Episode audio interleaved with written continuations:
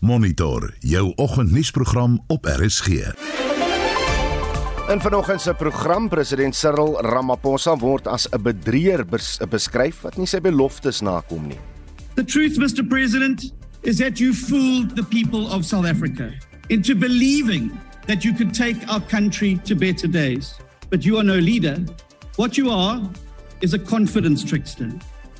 Die minister van water en sanitasie en Senzo Mkhunu gee vandag meer besonderhede oor die regering se ingryping teen kolera in Tshwane. En die geskiedkundige figuur Wolrad Woltemade se heldedaad van 250 jaar gelede word herdenk. Wolrad nou die reddingsdade 250 jaar terug gedoen het of gister ek dink ons moet dit onthou. Dit wys ook vir ons wat is mense wat is ons in staat om te doen as ons regtig moed het en durf het en glo in wat ons doen. Welkom by Monitor. Die span vanoggend is Hendrik Maten, Johan Pieterse en ek is Udo Karelse.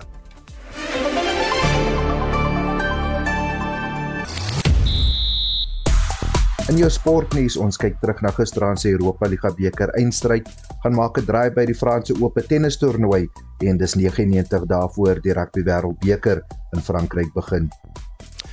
Nou ons bly by sport tema want Manchester United is 'n gewilde hits vanoggend, maar nie weens enigiets wat op 'n voetbalveld gebeur het nie, maar omdat die hoofuitvoerende beampte van die klub John Shields tydens 'n toekenningsplegtigheid geweier het om die trofee vir die Europese vroue speler van die jaar Alicia Russo te oorhandig omdat dit soos hy sê daar op die verhoog te swaar was om deur die vroue speler gehanteer te word. Russo neem toe die trofee by hom en het sonder sukkel die trofee vasgehou terwyl sy haar toespraak maak met die aanvaarding van die toekenning. So dit was toe nou nie te swaar nie. So mans, doen julle nog sulke dinge? En daarby bedoel ek om namens 'n vrou te besluit wat te swaar of te moeilik is vir hulle om te doen. En dames, wat sit met jou gebeur? Hoe laat dit jou voel? En nou na die groot luisteraarsvraag vanoggend want groot afleggings kan kom hier in Suid-Afrika. So waarskynlik Michael Gallen, die bestuurshoof van die geleerdheids- en ontwikkelingsgroep G&G Advocacy. Hy glo dat die land op pad is na 'n resessie. Die groot vraag is, wat doen mense wanneer hulle 'n vaste werk verloor? Baie mense moet noodgedwonge entrepreneurs word en soms verander hulle lewens ingrypend. Het jy so 'n storie om te vertel? Praat saam op ons Facebookblad by facebook.com vorentoe skynstreep ZARSG. Opposisiepartye het president Cyril Ramaphosa daarvan beskuldig dat hy die beloftes wat hy 5 jaar gelede gemaak het toe hy sy amp aanvaar het, verraai het. Hulle sê dinge het geleidelik erger geword sedert hy oorgeneem het en hom daarvan beskuldig dat hy nie leierskap toon nie. Hulle het aan 'n debat oor die presidentsie se begroting in die nasionale vergadering deelgeneem. Die DA-leier John Steenhuisen beskryf die president as 'n politieke kulkunstenaar wat Suid-Afrikaners laat glo het dat hy verbetering sou bring. It's now time for some hard truth. And that truth is that life in South Africa today is far worse for everyone than it was at the height of the Zuma years. The truth, Mr. President, is that you fooled the people of South Africa into believing that you could take our country to better days. But you are no leader and you have shown no leadership. What you are is a confidence trickster. A confidence trickster who milked your connections to become a billionaire and then left South Africa down and in the dirt, bleeding once you were done with us. Die voormalige leier van die IFP, Mangosuthu Buthelezi, het dit beamoen. The rand has depreciated more in 5 years of this presidency than it did during the so-called nine wasted years. Since the ANC took power, South Africa's currency has become five times weaker, and sadly, the decline is accelerating. In five years of this presidency, unemployment has increased by 6%. We have almost 2 million people unemployed in South Africa, more than did at the start of the presidency. Stephen Jafta van die African Independent Congress het die hantering van die elektrisiteitskrisis gekritiseer. We note with grave concern the lack of coherence in managing the electricity crisis, including the allocation of duplicate written duties to the new Minister of Electricity. The Minister of Mineral Resources has been given a free rein. For example, it has taken years to sanction embedded electricity. While it is the role of government's department to implement policies, it is the role of the president to provide sound leadership in the country. Die EFF se adjunkpresident, Floyd Shivambu, wil hê die regering moet die ondersoek na die Palapala skandaal heropen. Speaker, we have written to you already that let us get a proper inquiry. Let us deal with this. Let's confront it. We can't hide it under the sofa forever. Let us deal with it. Also, you're not going to be in office forever. Just confront your sins and demons now so that we deal. This issue of Pala Pala is not going to disappear. We are still here. Dit was die EFF se adjunkpresident Floyd Shivambu. Die verslag is saamgestel deur Joseph Mosia in die parlement. Ek is Estie de Klerk vir SAK nuus. Die voorsitter van die parlement se staande komitee oor openbare rekeninge eis dat die nuut aangestelde SAIK-raad die entiteit op 'n gesonde finansiële grondslag plaas. Die raad en uitvoerende beamptes het voorskoor verskyn om die 2021-2022 jaar verslag voor te lê. In die finansiële jaar het die uitsaare netto verlies van meer as 200 miljoen rand en onreëlmatige uitgawes van net meer as 91 miljoen rand aangeteken. Skoor se voorsitter, Nkuleko Hlengwa, sê 'n reddingsboei vir die SAIK behoort iets van die verlede te wees. Zelin Merrington berig. Vordering, al is dit baie klein, volgens die uitvoerende beampte Madoda Mqwake, het die entiteit vir die afgelope 4 finansiële jare vordering gemaak met sy geldsaake. Over a 4-year period financially, we moved from net losses that were just over a billion and year on year we have been reducing those with the aim to break even and then move to profitability. Hence we have moved from over a billion and uh, in 2022 we hit uh, 201 million. That net loss uh, it improved by just over 329 and in percentage terms it represents 62% compared uh, to fiscal year 2021 Hy het ook die finansiële las van die openbare mandaat geopper. We need to highlight the fact that revenue grew by about 90 million during that year and we also saw marginal increase from a sponsorship revenue point of view. However, the increase uh, the 90 million revenue increase was impacted by the need to acquire sports rights. And in this case, if you recall, it was the Olympics that was about 122 million rands. One of the things we've always highlighted is the negative impact of uh, the public mandate whilst we are pursuing the commercial because annually we have to spend just over 2.4 billion towards the fulfillment of the of the public mandate essentially if we had not met that public mandate obligation of acquiring those sports rights, the operating position would have resulted in a loss of about 78 million, uh, which would have been an 85% improvement. Die komitee sê die verbeteringe is welkom, maar baie werk lê nog voor. Skoorvoorsitter Mkoleko Hlengwa het die raad instruksies gegee om die sweep te klap. But the progress is noted and I can conclude by saying the chairman cracked the whip at the SAPC. Because one of the key issues in SOEs is that there is an absence of consequence management. So the message is clear for the SAPC shape up or shape out. We've got one expectation things must change. Dit was Mkhuleko Hlengwa, Zelin Merrington, Parlement. Uganda het die weste se reaksie op die land se nuwe LGBTQI+ wet veroordeel. Nou die wet kriminaliseer onder meer homoseksualiteit met sogenaamde verswaarende omstandighede, die bevordering van homoseksualiteit en die verspreiding van HIV deur homoseksualiteit. President Yoweri Museveni het die wet onderteken en dit het maandag in werking getree. LGBTQ-aktiviste in Uganda vertel dat hulle deur gewone landsburgers geteken word vir aanranding en ander forme van diskriminasie nou dat die nuwe wet van krag is. Lede van die LGBTQ gemeenskap kan nie hierdie sake by die polisie aangee nie. 'n LGBTQ aktivis en fotograaf, Delovi Kwagala, vertel hoe die wet hulle raak. There's no hope, but where are we supposed to go? You don't want us in your country. You're not giving us jobs. You're not giving us education. You're not giving us medication. You are criminalizing people renting to us. Where do you want us to go? You are arresting us for literally doing nothing, for simply existing, you know? But where are we supposed to go? How did we become refugees in our own countries? This is bad news. It's not just for queer Ugandans, but for queer people across the African continent. Ghana has been literally on it for months as well. Tanzania, Nigeria, all of these other countries that I'm also not mentioning. It's just like they have been waiting for this. Chris Baryomunsi, minister van inligting in Uganda, het die weste se kritiek verwerp. Hy het 'n onderhoud met Reuters gesê hulle beskou homoseksualiteit nie as 'n grondwetlike reg nie. Hy sê dis 'n seksuele afwyking wat hulle as Ugandese nie wil bevorder nie. Hy het lande daaraan herinner dat Uganda 'n soewereine land is. Die Amerikaanse president Joe Biden het vroeër gesê hulle oorweeg sanksies teen Uganda en 'n heroorweging van die AGOA handelsverdrag, asook 'n hersiening van finansiële hulp aan die land.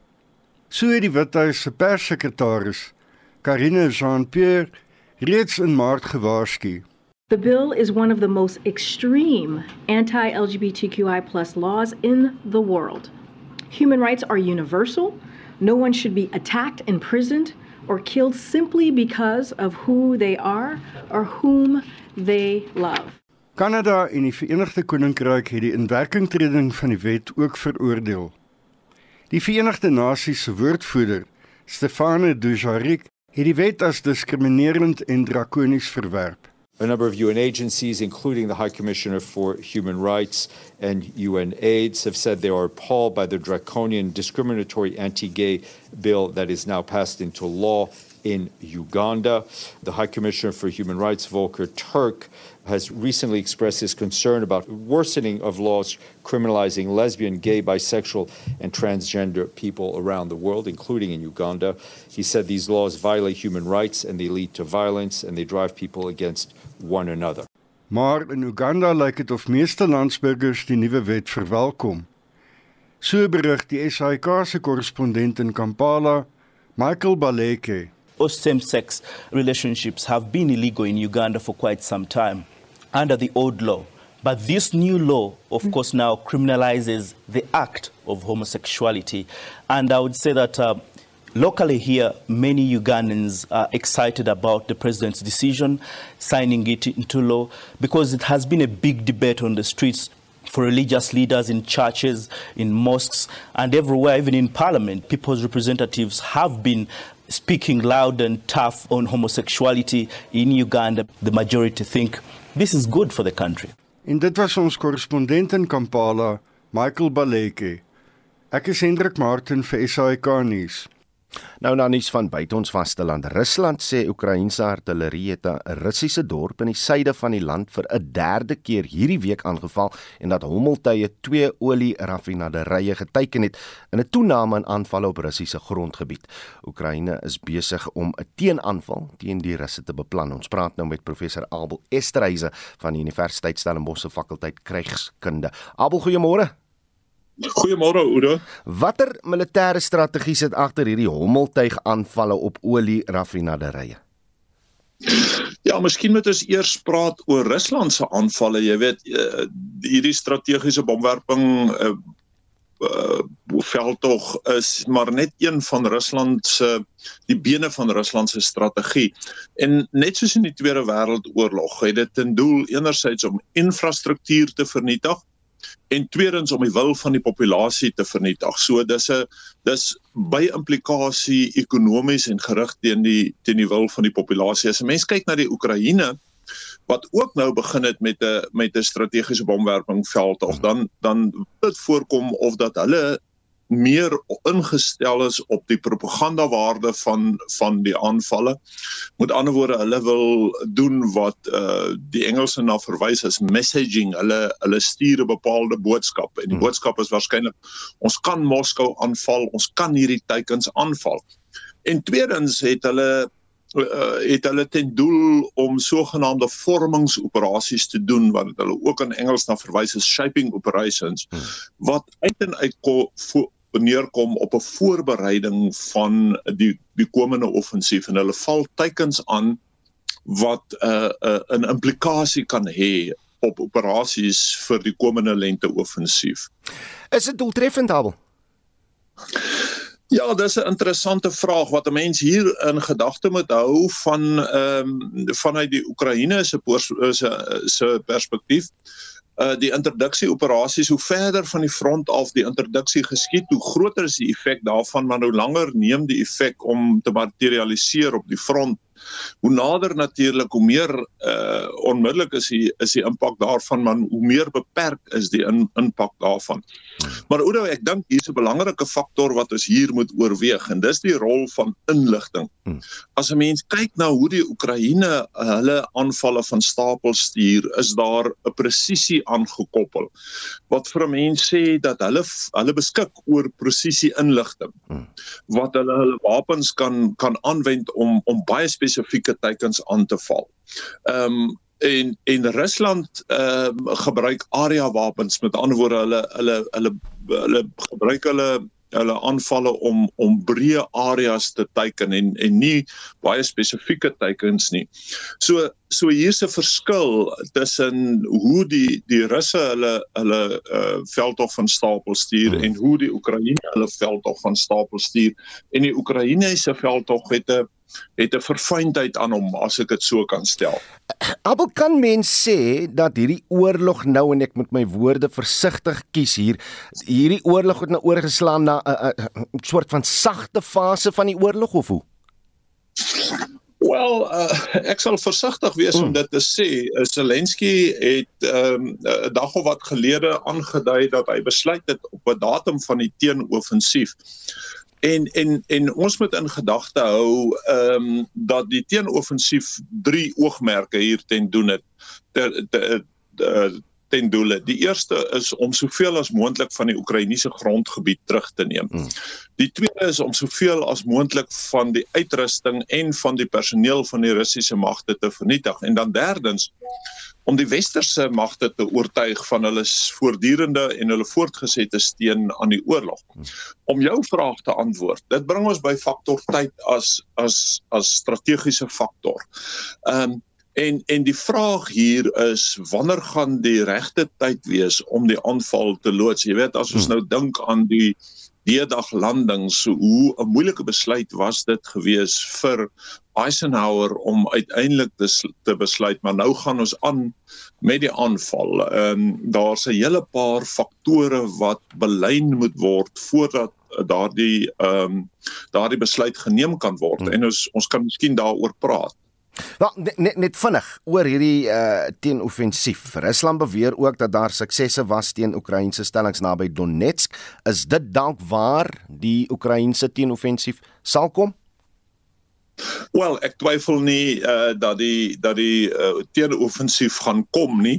Uh, kom ons praat oor die Russiese kant. Aan die Russiese kant is daar twee vrae dink ek wat in die lug hang. Die een is die vraag rondom die mobilisasiepotensiaal en die mate waartoe die Russe daarin kon slaag om uitrusting en personeel te mobiliseer om hierdie hierdie uh, offensief te absorbeer. Ek dink dis 'n groot vraag wat in die lug hang.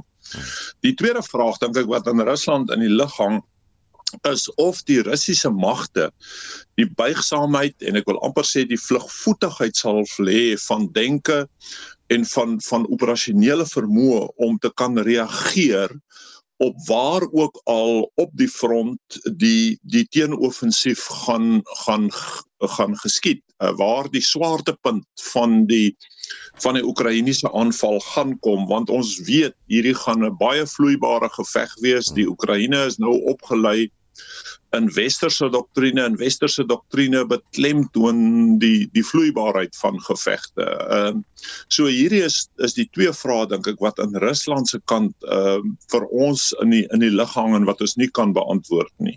Goed, dit was uh, professor Albe Estreise van die Universiteit Stellenbosch se fakulteit Krygskunde en uh, as die oorlog jou fascineer, professor Abel is 'n uh, bietjie later in op en wakker terug om oor 'n ander aspek van die oorlog te praat en dit is hoe propaganda gebruik word, bly ingeskakel skakel daarvoor.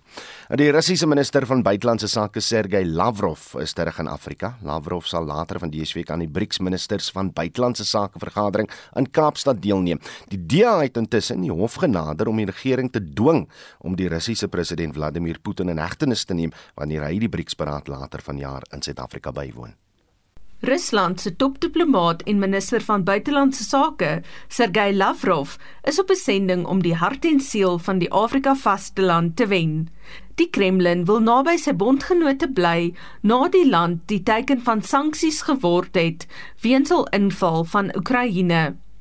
Die eerste plek waar Lavrov aangedoen het, was in Nairobi, waar hy met president William Ruto vergader het en hulle het 'n aantal kwessies soos die graanooreenkoms bespreek. The Black Sea Initiative regarding exporting Ukrainian products, grain and other from Ukrainian ports. We have commented on it repeatedly. Out of I think 30 million tons that have been exported, less than 3% went to the poorest countries. Lavrov se volgende halte is Burundi. Die land is op die oomblik voorsitter van die Oos-Afrika Gemeenskapsstreeksblok. Die Russiese minister van buitelandse sake het die weste daarvan beskuldig dat hulle die volksmoord in die Oekraïne ondersteun deur middel van hulle steun aan president Volodymyr Zelensky se vredesplan. Dit is wat Oekraïne se minister van buitelandse sake, Dmytro Kuleba, te sê gehad het tydens 'n onlangse besoek aan Afrika in 'n poging om Rusland se invloed op die vasteland uit te daag. Bread prices in Africa, in Asia and in South Africa depend on very simple fact how much grain can be exported from Ukraine per year. And if Russia did not invade, we would not have this problem. Would not have had this problem. But we have it now. This is why we come here and we say, guys, we fight a war. We will win. Uh, we are certain about that. But in the meantime, we want to revive our relations. Volgende is Lavrov op pad na die BRICS-ministers van buitelandse sake vergadering in Kaapstad. Hy is nie in gevaar van arrestasie nie. Die kwessie van die internasionale strafhof se arrestasiebevel vir Putin is 'n netelige een vir Afrika. Voormalige president Thabo Mbeki sê Afrika moet interne instellings versterk wat bedoel is om leiers aanspreeklik te hou. What is critically important for the continent is that the continent must establish this African Court of Justice which has been agreed in principle and the protocol has been agreed. But the countries are very slow in terms of ratifying the content so that then the court can be set up. That's what needs to happen. We, we need to ensure that Africa does this so that we're not then threatened by the ICC. The people who commit these offenses, offenses detailed in the Rome Statute, can then appear before the African Court of Justice. So we don't have to go to the ICC. Die Suid-Afrikaanse regering het ook 'n kennisgewing in die staatskoerant gepubliseer oor diplomatieke immuniteit en voorregte vir die komende BRICS-vergadering van buitelandse ministers, asook die BRICS-beraad in Augustus. Die departement van internasionale betrekkinge en samewerking se woordvoerder is Gleison Monyela. This is a standard conferment of immunities which government does for all international conferences and summits held in South Africa, irrespective of the level of participation. The immunities are for the conference and not for specific individuals. They are meant to protect the conference and its attendees from the jurisdiction of the host country for the duration of the conference. These immunities do not override any warrant that may have been issued by any international tribunal against any attendee of the conference. Intussen het die oorlog tussen Rusland en die Oekraïne verskerp. Daar is vrese dat dit die komende vredesending onder leiding van 6 Afrika staatshoofde kan belemmer. Die verslag van Ditaba Totsetsi in Johannesburg en ek is Anne Marie Jansen van Vuren vir SAK nuus. Jy luister na Monitor elke weekoggend tussen 6 en 7. 633 en in die tweede helfte van die program president Ramaphosa bekommerd oor munisipaliteite wat nie infrastruktuur oprig met geld wat hulle ontvang nie. Die Tshwane Metro is die enigste munisipaliteit wat ongeloofwaardige finansiële state ingedien het. Twee Serviese spioene se straf vir oorlogsmisdade word verhoog nadat hulle pel teen hulle vonnis aanteken en ons praat met die Tshwane burgemeester oor hulle kolera benadering hierdie week. Bly ingeskakel. Daar is geen verkeer. In Kaapstad op die N7 Noord staan 'n voertuig net na Plattekloof die noodbaan word versper en in KwaZulu-Natal die N3 Oos net na die Ashburton afrit is steeds gesluit nadat daar vroeër 'n ongeluk was en dit veroorsaak 'n groot verkeersopeenhoping vanaf die Ashburton Wisselaar tot en met Markstraat. Reg groot afleggings kan kom hier in Suid-Afrika, so waarsku Michael Gallen, die bestuurshoof van die geleerdheids- en ontwikkelingsgroep G&G Advocacy. Hy glo dat die land op pad is na 'n resessie. Die groot vraag is wat doen mense wanneer hulle 'n vaste werk verloor? Baie mense moet noodgedwonge entrepreneurs word en soms verander hulle lewens ingrypend. Het jy so 'n storie om te vertel? Maar op Facebook sê uh, Johan Messin, volgende keer as jy met 'n Unie verteenwoordiger praat, vra of hulle bekommerd is om vir 'n bankrot maatskappy te werk. Geskiedenis wys dat sulke werkers op 'n stadium hulle werk gaan verloor. Van Herden uh, of Estel van Herden sê ons is nie op pad na die resessie nie. Ons is daar. Voorspoed vir almal sê sy. En Karen de Olver sê nee, julle uh een van julle vra uh, nie een van julle vra nie, maar vir my gaan dit daaroor om so vroeg moontlik wanneer uh, wanneer jy 'n werk het voorsorg te tref vir onvoorsiene aftrede of aflegging so moeilik soos dit is. Stuur 'n SMS of liewer uh, praat lekker saam op ons Facebook bladsy uh, en natuurlik uh, jy kan hom vind daar by facebook.com uh, vorentoe skynstreep ZARSG. Alles is nou tyd vir die jongste sportnuus môre Jody. Môre Udo. Reg hier op uh, Europa Liga beker eindstryd tussen Roma en uh, van Italië en Sevilla van Spanje het gisteraan plaasgevind. Ja, Jose Mourinho se Roma span wat van die begin af gedomeineer het en reeds die voortou in die 35ste minuut geneem het danksy Paulo Dybala doel. Hulle was rustig 1-0 voor. Die tweede helfte het egter in 'n nagmerrie ontaard toe Gianluca Mancini 'n eie doel aangeteken het en sake was toe gelyk op na 90 minute om die wedstryd in ekstra tyd te stuur. Ekstra tyd geen doele opgelewer nie en toe met strafdoele bepaal wat Sevilla 4-1 gewen het, hul sewende titel in 'n sewende eindstryd. Ja, ek sien Pieter Droorie is vanoggend die gewilde uh sport uh uh hits omdat hy so mooi oor daai uh, laaste strafdoel uh kommentaar gelewer het. Nou nog sokker nuus, die FA beker die naweek is in uh is 'n Manchester derby. Ja, beide spanne van Manchester City en United gaan poog om hul tweede titel van die jaar te wen. City reeds die liga verower en United die Carabao beker. En uh, die twee spanne wat bure is, maar geen liefde vir mekaar het nie, so 'n tradisionele Engelse derby wat verwag word. Slegte nuus vir United is dat hul sterspeler Anthony Martial die wedstryd met 'n duispier besering gaan misloop City. Aan die ander kant gaan hul sterkste moontlike span vir Saterdag se wedstryd kan kies. En uh die stryd vir oorlewing in die DStv Premier Liga het gister uh, voortgeduur. Maritzburg United was gisteraand ook in aksie gewees. Ja, hulle het vir Catholic Stars 2-0 gewen om hul plek lewendig te hou of moontlik lewendig te hou om volgende jaar weer in die PSL te speel. Reg, bietjie cricketnuus. Ja, Ierland en Engeland wat van mekaar vandag pak 'n eenmalige toets tussen die twee lande. Nou Engeland gebruik die wedstryd ter voorbereiding vir die reeks om die as wat later die maand teen Australië plaas van Engeland eh, wat in 'n bietjie van 'n krisis gedompel is met beserings aan verskeie bowlers onder andere James Anderson en Ali Robertson en daar's gister bevestig dat die snel bowler Josh Tang vandag sy debuut vir Engeland in die wedstryd gaan maak. Ja, ek sien hier rugby wêreldbeker trofee uh, Dinsdag danksy Beestem Tawarirwa daar in Frankryk aangekom. Vandag is dit 99 dae oor voor die wêreldbeker in Frankryk begin. Ja, so die Bokke se beleidingskamp in Durban ook tot 'n einde gekom en hulle gaan nou weer op 11 Junie in Pretoria bymekaar kom waar 'n vergrote groep vir voorbereiding vir die rugby kampioenskap gaan begin en spelers soos Andre Pollard, Jasper Vicente en Colby wat die afgelope kamp misgeloop het, hulle sal dan by die groep aansluit.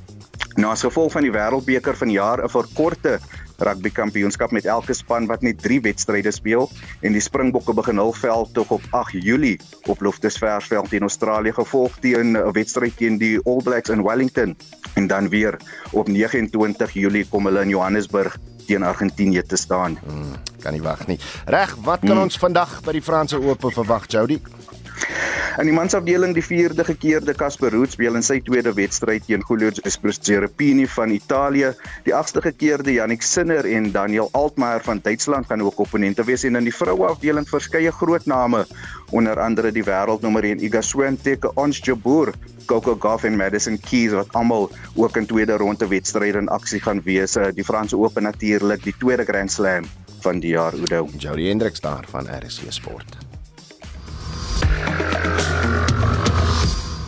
Ag die kolera uitbreking in Hammanskraal kan moontlik verbind word aan die polisie opleidingskollege na die eerste geval daar aangemeld is. Die minister van gesondheid, Dr. Joe Patla, sê die polisiebeampte wat vir 'n 3 weke kursus ingeskryf het, het op 7 Mei by die Hammanskraal College aangekom. Hy is 4 dae later in 'n hospitaal opgeneem nadat hy naar was en diarree gekry het. Hy het op 15 Mei positief getoets en is steeds in 'n bestendige toestand in die uh, hoë sorg eenheid van die hospitaal hospitaal waar hy is. 23 mense is aan kolera in Hammanskraal en 1 in die Vrystaat dood. Daar was in die afgelope 7 dae geen sterftes aan die siektes nie. Patla het die media in Pretoria toegespreek.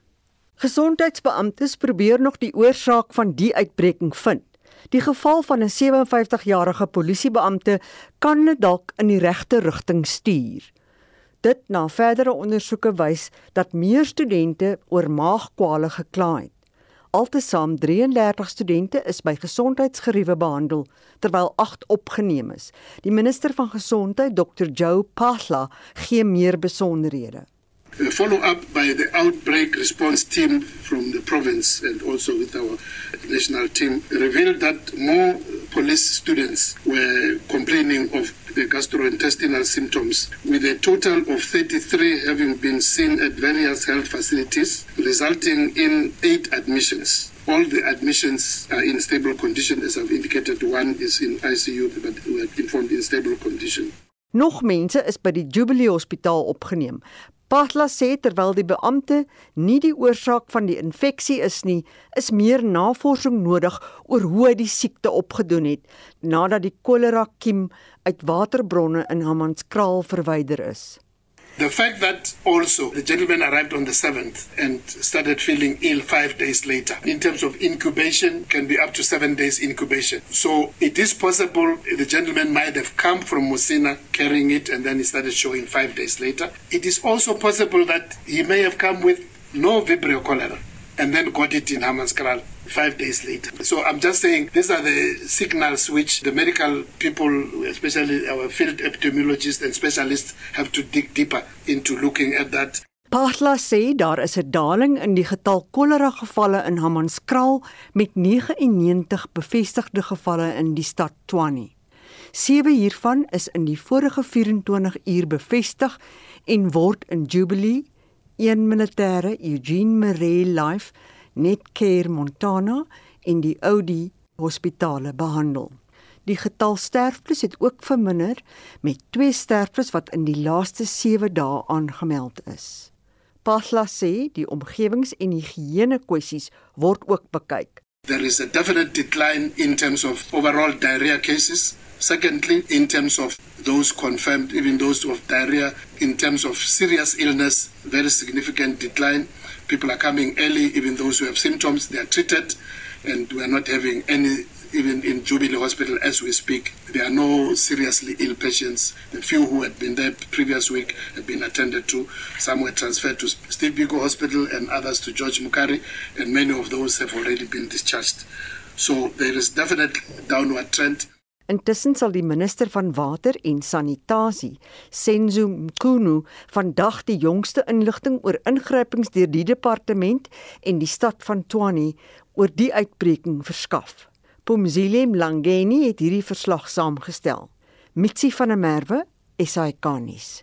Die ANC sê intussen hulle is bekommerd weens die gebrek aan 'n interregeringsbenadering deur die DA om die kolera uitbreking in die Tshwane Metro te beperk. Die sekretaris van uh, generaal van die ANC, Fikile Mbalula, het die media toegespreek na die party se nasionale bestuurskomitee vergader het. Hy het die uitbreking betreur en uh, gesê meer as 20 mense is reeds dood terwyl ten minste 165 mense uh, gehospitaliseer is. Ons praat nou met die burgemeester van uh, Tshwane, Seleer Brink. Uh Seleer, goeiemôre.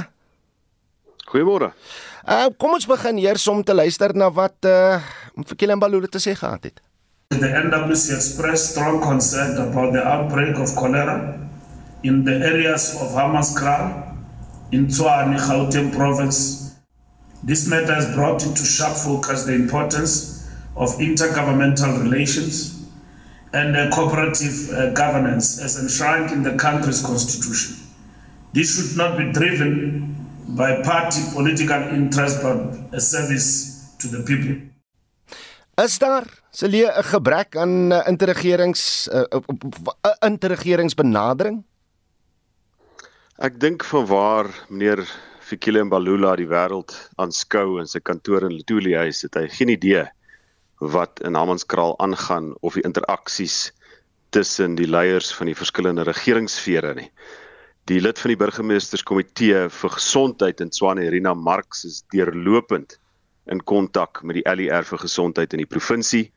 Ek is deurlopend in kontak met die minister van water en sanitasie. Later vandag het ons 'n gesamentlike eh, media konferensie nadat tegniese spanne tussen van die stad en die departement ehm um, vir die afgelope 2 weke gewerk het aan 'n oplossing vir die rioolprobleem by Rooiwal hmm. sowel as tydelike waterverskaffing aan die gemeenskappe wat daar geaffekteer word deur die situasie. So ek dink nie dit is 'n regverdige stelling nie en ek dink uh, dalk uh, probeer die ANC op die kantlyn sy eie politieke punte aanteken. So gepraat van die uh, nasionale minister, hy is vandag weer daar. Hy was verlede week daar gewees. Uh, wat kan ons vandag verwag van julle twee? So ons tegniese spanne soos wat ek noem het ontmoet oor die afgelope 2 weke.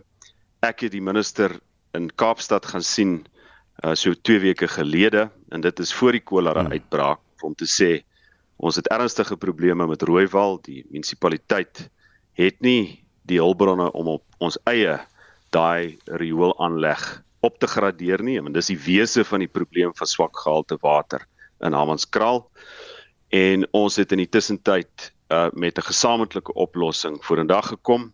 Daar's natuurlik geen waarborge nie. Hmm. Maar ek dink dit is die naaste wat ons gaan kom uh, uh vir die vir die uh, verkryging van van buitebefondsing om ons te help om daai rioolwerke op te gradeer. Reg, ek wil dan ook uh hê dat dokter Kloete van Vuren van 3 Militêre Hospitaal in Bloemfontein by die gesprek aansluit. Kloete, goeiemôre.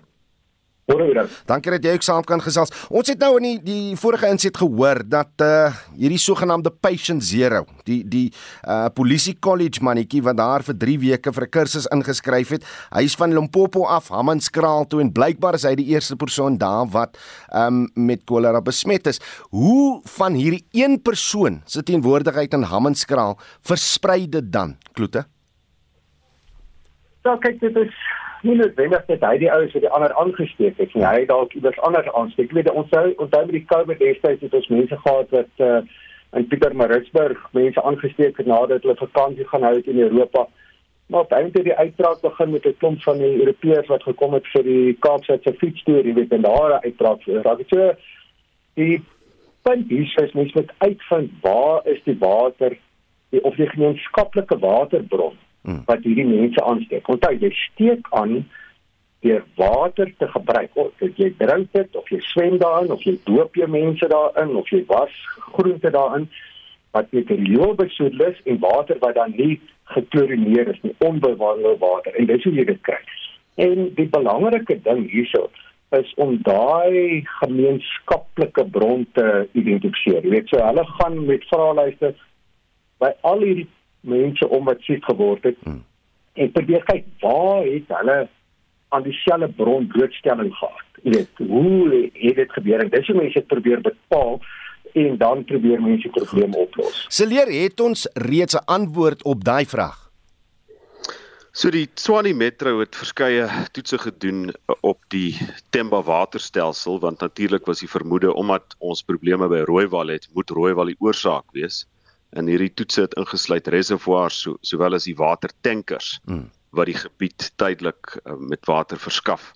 En tot op hede kon ons geen positiewe toetse vir kolera kry nie. Die departement van water en sanitasie het hulle eie toetse gedoen, kon dit ook nie die oorsprong naspoor nie. Daar is selfs 'n toetse gedoen op spruite in die gebied en alhoewel daar byvoorbeeld hoë vlakke van E. coli uh, gekry is in in die suurmanspruit, hmm. uh, was daar nie kolera nie. So die publiek vind dit uiteraard frustrerend, waar kom hierdie vandaan? En selfs ek as 'n politikus wat 'n wetenskaplike leek is, is gefrustreerd in die situasie. Ek het gevra dat ons deskundiges van die WNR in kry en hopelik kan ons in samewerking met die Nasionale Instituut vir Oordraagbare Siektes uh vinniger werk en meer effektief werk om die oorsprong te vind. Maar kom ons gaan terug na die wetenskaplike toe. Kloete, wat jy sê daar in die feit dat daar nou oral getoets is aan die waterbronne, maar maar nog steeds nie 'n positiewe toets vir kolera of die bron van die uitbraak uh, uh, uh, gevind nie. Ja, dit is so papier klink hierdie goed altyd baie maklik. Ja. Maar in die praktyk is dit 'n bietjie moeiliker. Jy weet so soos uh, sal jy bring sê dit is dit die water wat hulle gedrink het uh, water wat geklorineer is, is veilig. So dit moet op 'n ander manier wees. En dan onthou jy daar ander gebruike ook net. Mense hou doopseremonies in hierdie riviere en spruite. En dis 'n interessante ding met kolera. As jy 'n monster by 'n persoon wat siek is neem, is dit baie maklik om 'n laboratorium te kweek. Hmm. Groei. Hmm. Maar uh, as dit eers in die water beland, dan verander hierdie organisme op 'n manier wat hy dan nie so maklik gekweek word nie. En dit kan die een rede wees. Die ander rede is hulle vat net nie die water op die regte plek nie. Ehm um, so dit is die frustrerende van die ding en dis hoekom mense hierdie uh geweldige klomp mense het wat inspring en probeer kyk, maar hmm. daarom doen jy die ding op verskillende vlakke. Jy kan nie net op hierdie een ding konsentreer as jy die probleem probeer oplos. Maar ver, verstaan ek reg Kloete moet daar dan ook toetse gedoen word op kos wat moontlik besmet kan kan word met met kolera?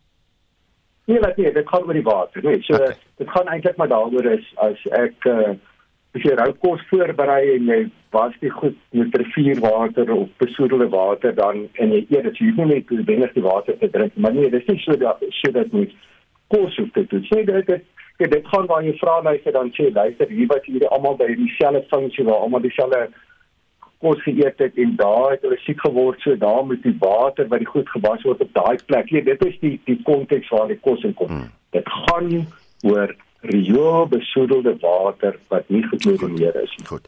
Seleer, watter verandering maak dit dan aan julle bestuursplan as jy weet wat die eintlike bron van die uitbreking is?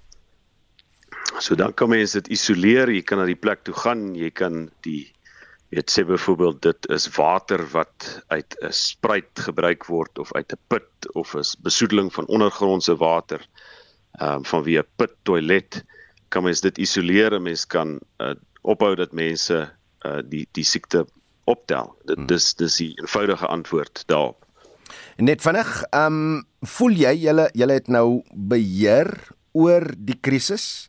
Is daar nog en dit om om 'n 'n ramp te verklaar, nasionale ramp te verklaar om om hierdie waterkwessie.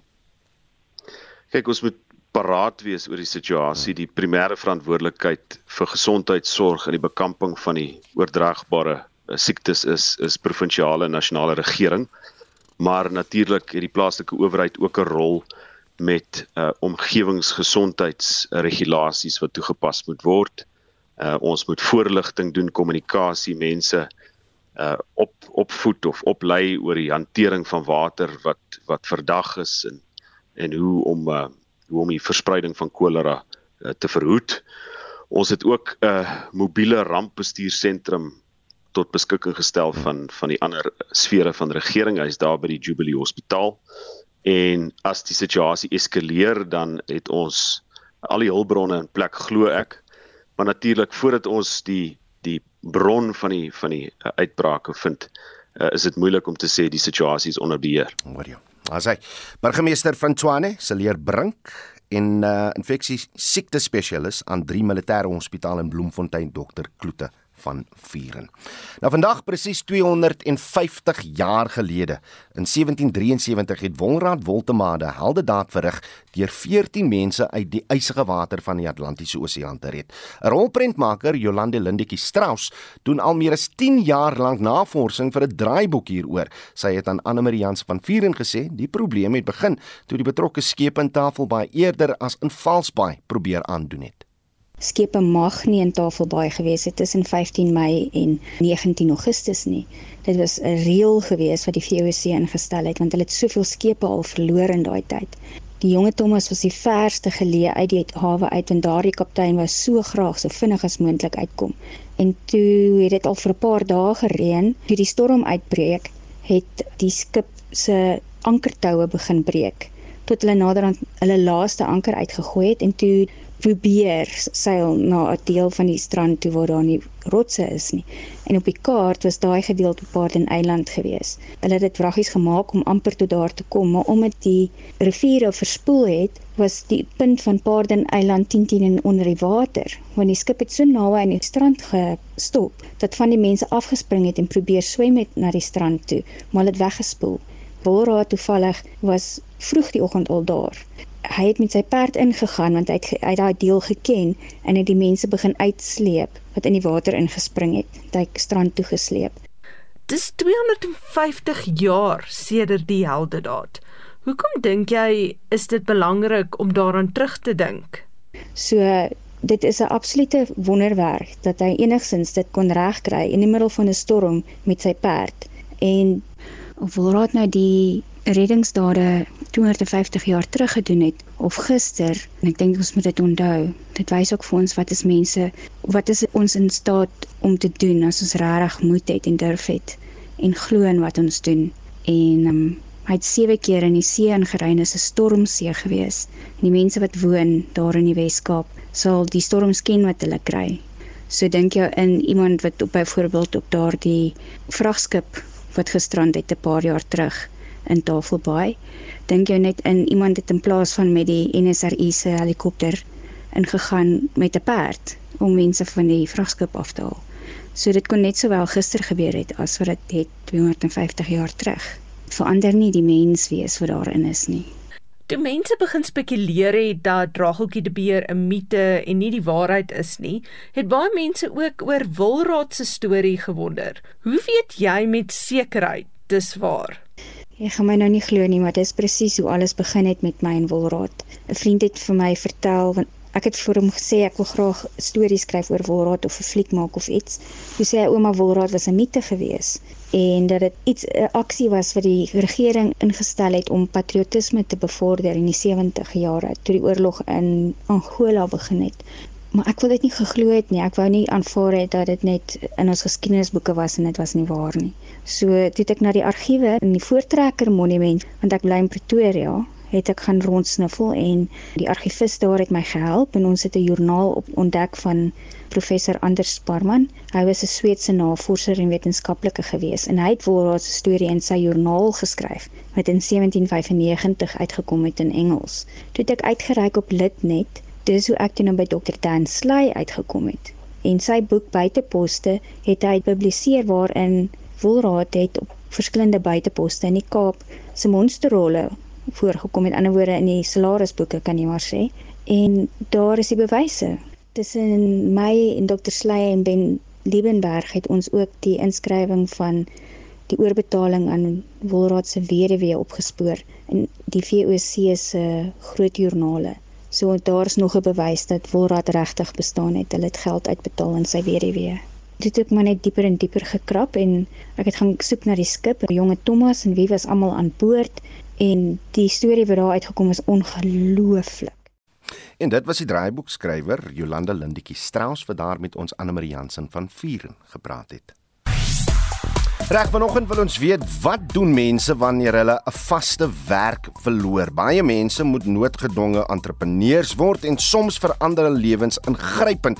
Het jy so 'n storie om te vertel? En ons vra juis omdat groot afleggings dalk hier in Suid-Afrika kan kom as ons luister na van die kenners wat uh, teorieë het oor wat met die land se ekonomie gaan gebeur. Op Facebook sê Daniel Lou ek het so 'n storie om te vertel. Die ANC regering is natuurlik die rede en die oorsaak van almal wat afgedank word word sê Dani Lou. Johan Botha sê ek was daar deur. Dis nie lekker nie. Werk is skaars daar buite. Wat is jou storie? Deel dit met ons op ons Facebook bladsy uh, en jy kom daarby uit op uh, facebook.com vorentoe skynstreep ZARSG. Ons groet dan namens ons uitvoerende regisseur Nicoline de Wee, ons redakteur vanoggend is Hendrik Martin, ons produksieregisseur is Johan Pieterse en ek is Oudo Karelse. Geniet die res van die dag in die geselskap van RSG. Totsiens.